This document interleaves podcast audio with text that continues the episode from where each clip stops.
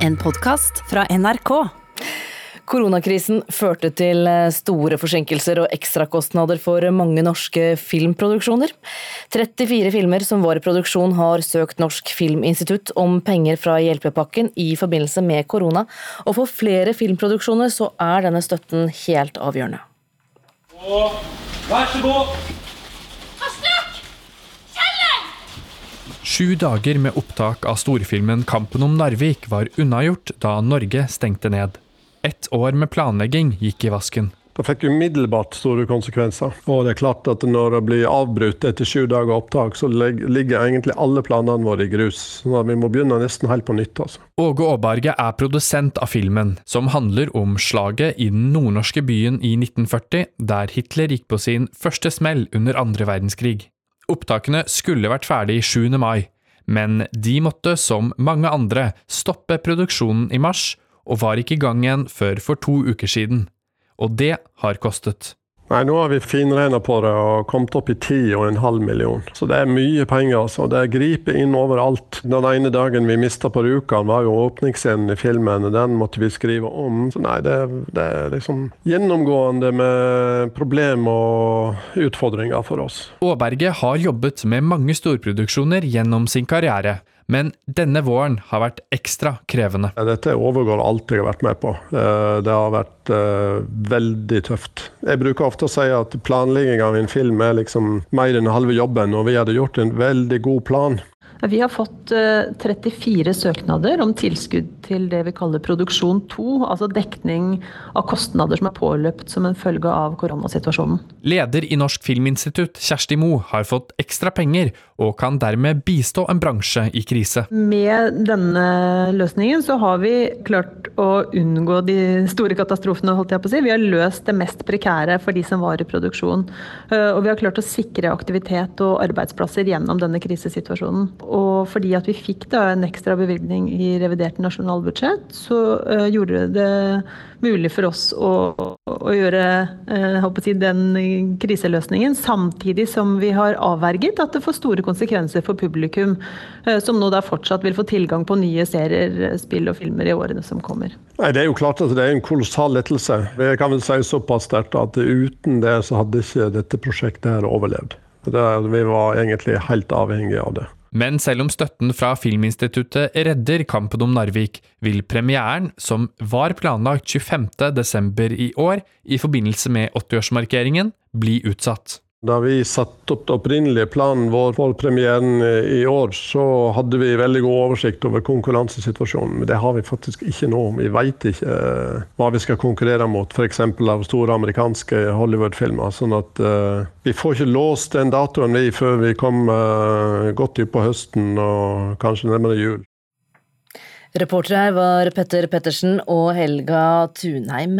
Filmbransjen har også stått i store utfordringer under eh, koronakrisen pga. Eh, produksjonsstopp, men nå kommer det, som vi hørte, penger fra Norsk Filminstitutt.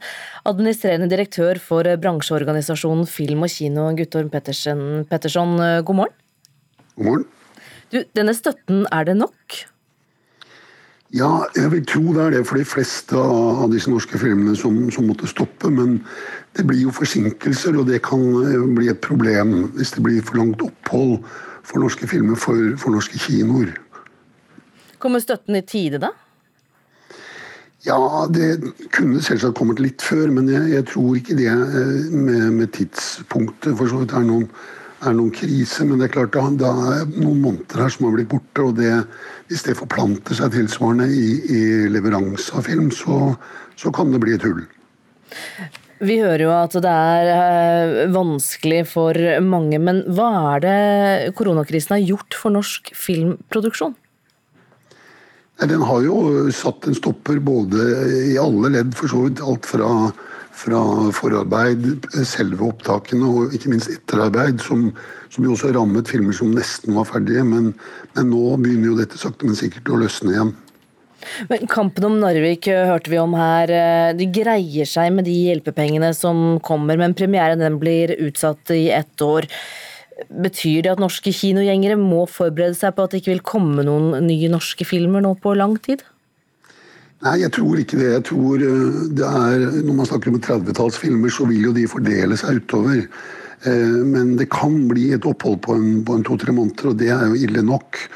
Eh, men nå er jo dette gir også en mulighet for filmer som nå er ferdige, til å operere i markedet alene. F.eks. 'Knerten og sjøormen' får nå premiere 3.7, altså i sommer, som er veldig uvanlig for norsk film. Og de vil jo da på en måte ha markedet mer eller mindre alene. Selv om det nå er redusert kapasitet på, på kinoene, som gjør at man får jo ikke hentet ut potensialet umiddelbart på, på en film. Vi hørte jo det, altså Dette her er jo ikke unikt for Norge. Storfilmer fra Hollywood blir også påvirka. Kan ikke dette være en bra ting for norske filmer, da? At eh, konkurransen kanskje ikke blir så stor fra nettopp Hollywood? Jo, nettopp i en periode nå så, så, vil det skje. Men når de store markedene, inklusive USA selv, åpner opp igjen, så vil jo da det Eh, være å, å ta proppen ut av, av tilbudet, som, som, da plutselig blir veldig stort. fordi nå er det veldig mange filmer som har blitt utsatt, og som da vil komme, om ikke samtidig, så i hvert fall som perle på en snor. Og da blir konkurransen tøff. Men i mellomtiden, da får f.eks. Knerten og Sjøormen eh, kinosalene omtrent eh, for seg selv? Ja, det, det, er vel ikke mange nye filmer, og, og nettopp da norske filmer som, som jo ikke har eh, en, en, et verdensmarked å, å sikte mot sånn umiddelbart, de, de, kan da tjene på dette, faktisk. Mens de andre som kommer lenger ut, vil jo da få en, kanskje en enda tøffere konkurranse enn man normalt ville ha fått. Takk skal du ha, Guttorm Petterson, administrerende direktør for eh, bransjeorganisasjonen Film og Kino. Apropos film. Skaperen av Harry Potter-universet, JK Rowling, har publisert et langt eh, forsvar for sine uttalelser eh, på Twitter her forrige dagen. Mange reagerte jo på disse uttalelsene og mente at de var eh, såkalt transfobiske. Nå forteller forfatteren i et langt svarinnlegg at hun har blitt utsatt for seksuelle overgrep. Så kulturreporter Henriette Bertheussen Isaksen, skal vi bare gå et par skritt tilbake. Hvordan starta egentlig denne, denne diskusjonen? Jo, det hele starta med at hun delte en artikkel på Twitter. og Artikkelen den handla om å skape en mer likeverdig verden etter covid-19 for mennesker som menstruerer. Problemet var at hun i innlegget harselerer, der hun skriver at mennesker som menstruerer, vi hadde da et ord for det. For eksempel women. Ja. og videre har hun skrevet bl.a. at hvis ikke kjønn er ekte, blir den opplevde virkeligheten til kvinner over hele verden viska ut. Dette har bl.a. Harry Potter-skuespiller Daniel Radcliffe reagert på. Mm. Og nå forteller hun i et 3800 ord eh, langt blogginnlegg at hun har blitt utsatt for vold og overgrep. Hun skriver at hun ikke forteller dette for å få sympati, men i solidaritet med det store antallet kvinner som har historier like hennes, og som har blitt beskyldt for å være intolerant etter å ha uttrykt bekymring rundt områder adskilt for forskjellig kjønn. Hun forteller at hun deler dette for å vise at hun har empati og solidaritet med transkvinner som har opplevd å bli misbrukt av menn, og at hun ønsker at transkvinner skal være trygge. Men hva er det hun egentlig er bekymret for? Jo, Det hun påstår og skriver i blogginnlegget, er følgende. Hvis du åpner dørene til toaletter og garderober for menn som tror eller føler seg kvinne, og som sagt, nå kan kjønnsbekreftelse innvilges uten behov for kirurgi eller hormoner. Da åpner du døra for alle menn som ønsker å komme inn. Det er den enkle sannheten, skriver hun. Forfatteren forteller også at hun følte seg mentalt eh, kjønnsløs da hun var yngre, men at hun etter hvert slo seg til ro med at hun ikke trengte å føle seg kvinnelig. Ja, du nevnte jo Daniel Ratcliffe her. Eh, dette blogginnlegget eh, nummer to, for å si det sånn, det har jo eh, skapt en opphetet debatt på Twitter? Ja, onsdag kveld så tvitra Emma Watson, som spilte Hermine i Harry Potter-filmene, at transpersoner er hvem de sjøl sier at de er, og fortjener å leve livet uten å bli konstant stilt spørsmål ved, eller fortalt at de ikke er dem de sier de er. Ok, Henriette Bertheussen Isaksen, takk for orienteringen. Ja, nå handler jo dette litt om eh, Twitter og uttalelser, eh, men vi starta med film. Og dit skal vi fortsette nå. Vi holder oss inn. Ja. Regissør eh, Spike Lee har nemlig gjennom en lang karriere laget flere filmer med rasisme og diskriminering eh, som bakteppe, annet eh, Do the Right Thing, Jungle Fever, Bamboozled og Black Clansman. Hans nyeste film, The Five Bloods, har premiere på Netflix nå på fredag. NRKs kritiker Birger Vestmo sier at den går rett til kjernen av Black Lives Matter. Black GI, is it fair? to serve more than the white Americans that sent you here.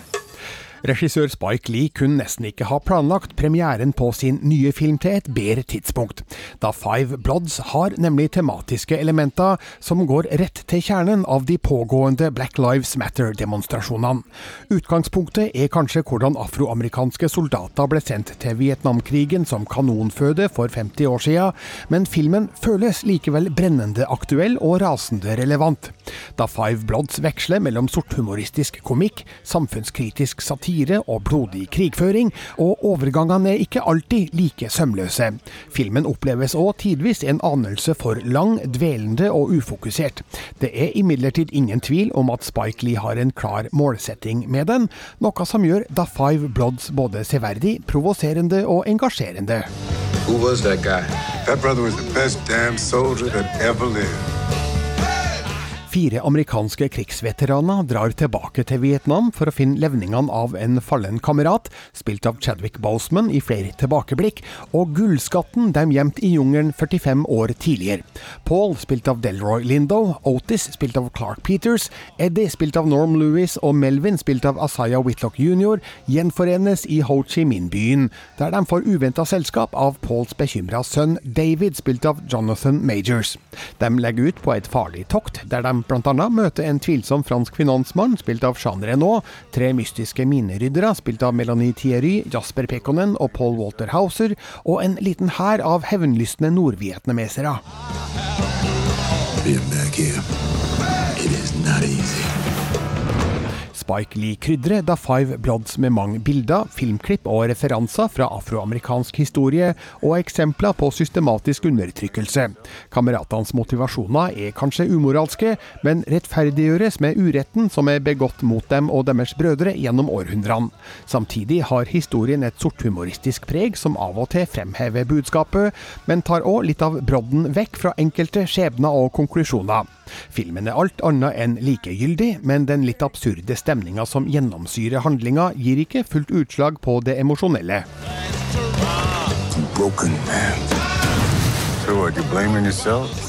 You don't even know da Five Bloods er to og en halv time lang, og kun nok med fordel har vært korta ned litt.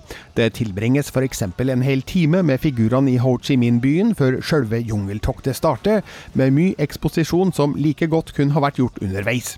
Da Five Bloods har likevel et mål og en mening som gjør den sterk og aktuell nok til å være både viktig og essensiell, sjøl om man må tåle noen svakheter underveis.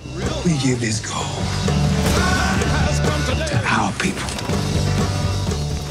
Terningkast fire.